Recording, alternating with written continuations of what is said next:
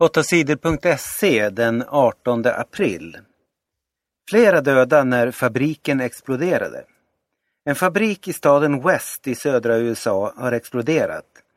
Flera människor har dödats och över hundra människor är skadade. Flera av de dödade och skadade kan vara brandmän. I fabriken tillverkades näring till växter, konstgödsel. Poliserna tror att det är en olycka.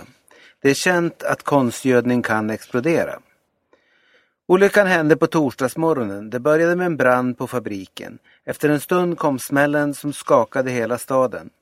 Många hus i närheten skadades eller rasade. Det var som en stor bomb sprängdes, säger Barry Murray som bor i West till tv-bolagen CNN. Poliserna kan ha hittat terroristerna.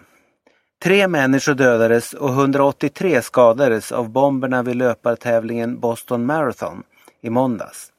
Nu tror poliserna i USA att de kan ha upptäckt de som sprängde bomberna. Det skriver flera tidningar i USA. Poliserna har tittat på filmer som togs vid målområdet. På filmerna har de sett två män som gör misstänkta saker. En man ställer ifrån sig en svart väska på marken. Poliserna tror att det Eh, kan vara mannen som sprängde bomberna. På onsdagskvällen gick det rykten om att en misstänkt man hade gripits, men det var fel. Poliserna har ännu inte fått tag på någon av de misstänkta. Nej till hårdare vapenlagar i USA. USA är det land i världen som har flest vapen. Det är lätt att få tag i vapen och många unga kan skaffa en pistol eller ett gevär. Förra året sköt en ung man ihjäl 12 människor i en bio nära staden Denver.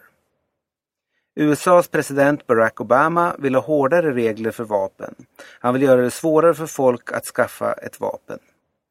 Men Obama får inte som han vill. Politikerna i USAs riksdag röstade på onsdag nej till Obamas förslag. Det blir inga hårdare vapenlagar i USA.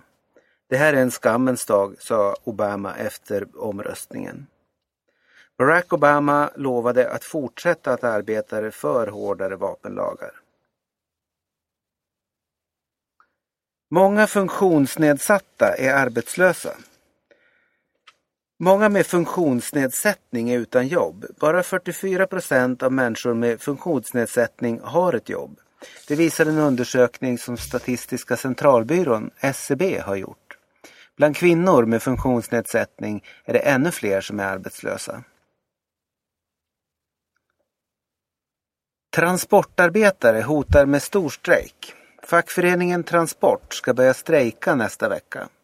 Transports medlemmar strejkar för att få högre löner. Företagen vill höja lönerna med 6,8 procent på tre år. Men Transports medlemmar vill ha mer än så. Därför hotar de nu med strejk. Strejken kommer att drabba flera företag mycket hårt. Många lastbilar kommer inte att kunna åka med varor när förarna strejkar. Företagen säger att nästan alla lastbilar kommer att stå stilla. Barack Obama fick brev med gift. USAs president Barack Obama har fått ett brev med gift i. Någon skickade brevet till presidentens bostad, Vita huset. Brevet kom aldrig fram till presidenten. Hans säkerhetsvakter tog hand om det. Brevet innehöll det livsfarliga giftet risin. En politiker i USAs riksdag har också fått ett brev som innehöll samma gift. Poliserna i södra USA har gripit en man. De tror att det var han som skickade breven. Tränare döms för sex med barn. En idrottsledare i Småland har dömts för sexbrott mot barn. Den 22-årige mannen hade sex med två 14-åriga tjejer 2011. En av flickorna var med i det idrottslag som mannen tränade. Det är olagligt för en vuxen att ha sex med någon som är under 15 år.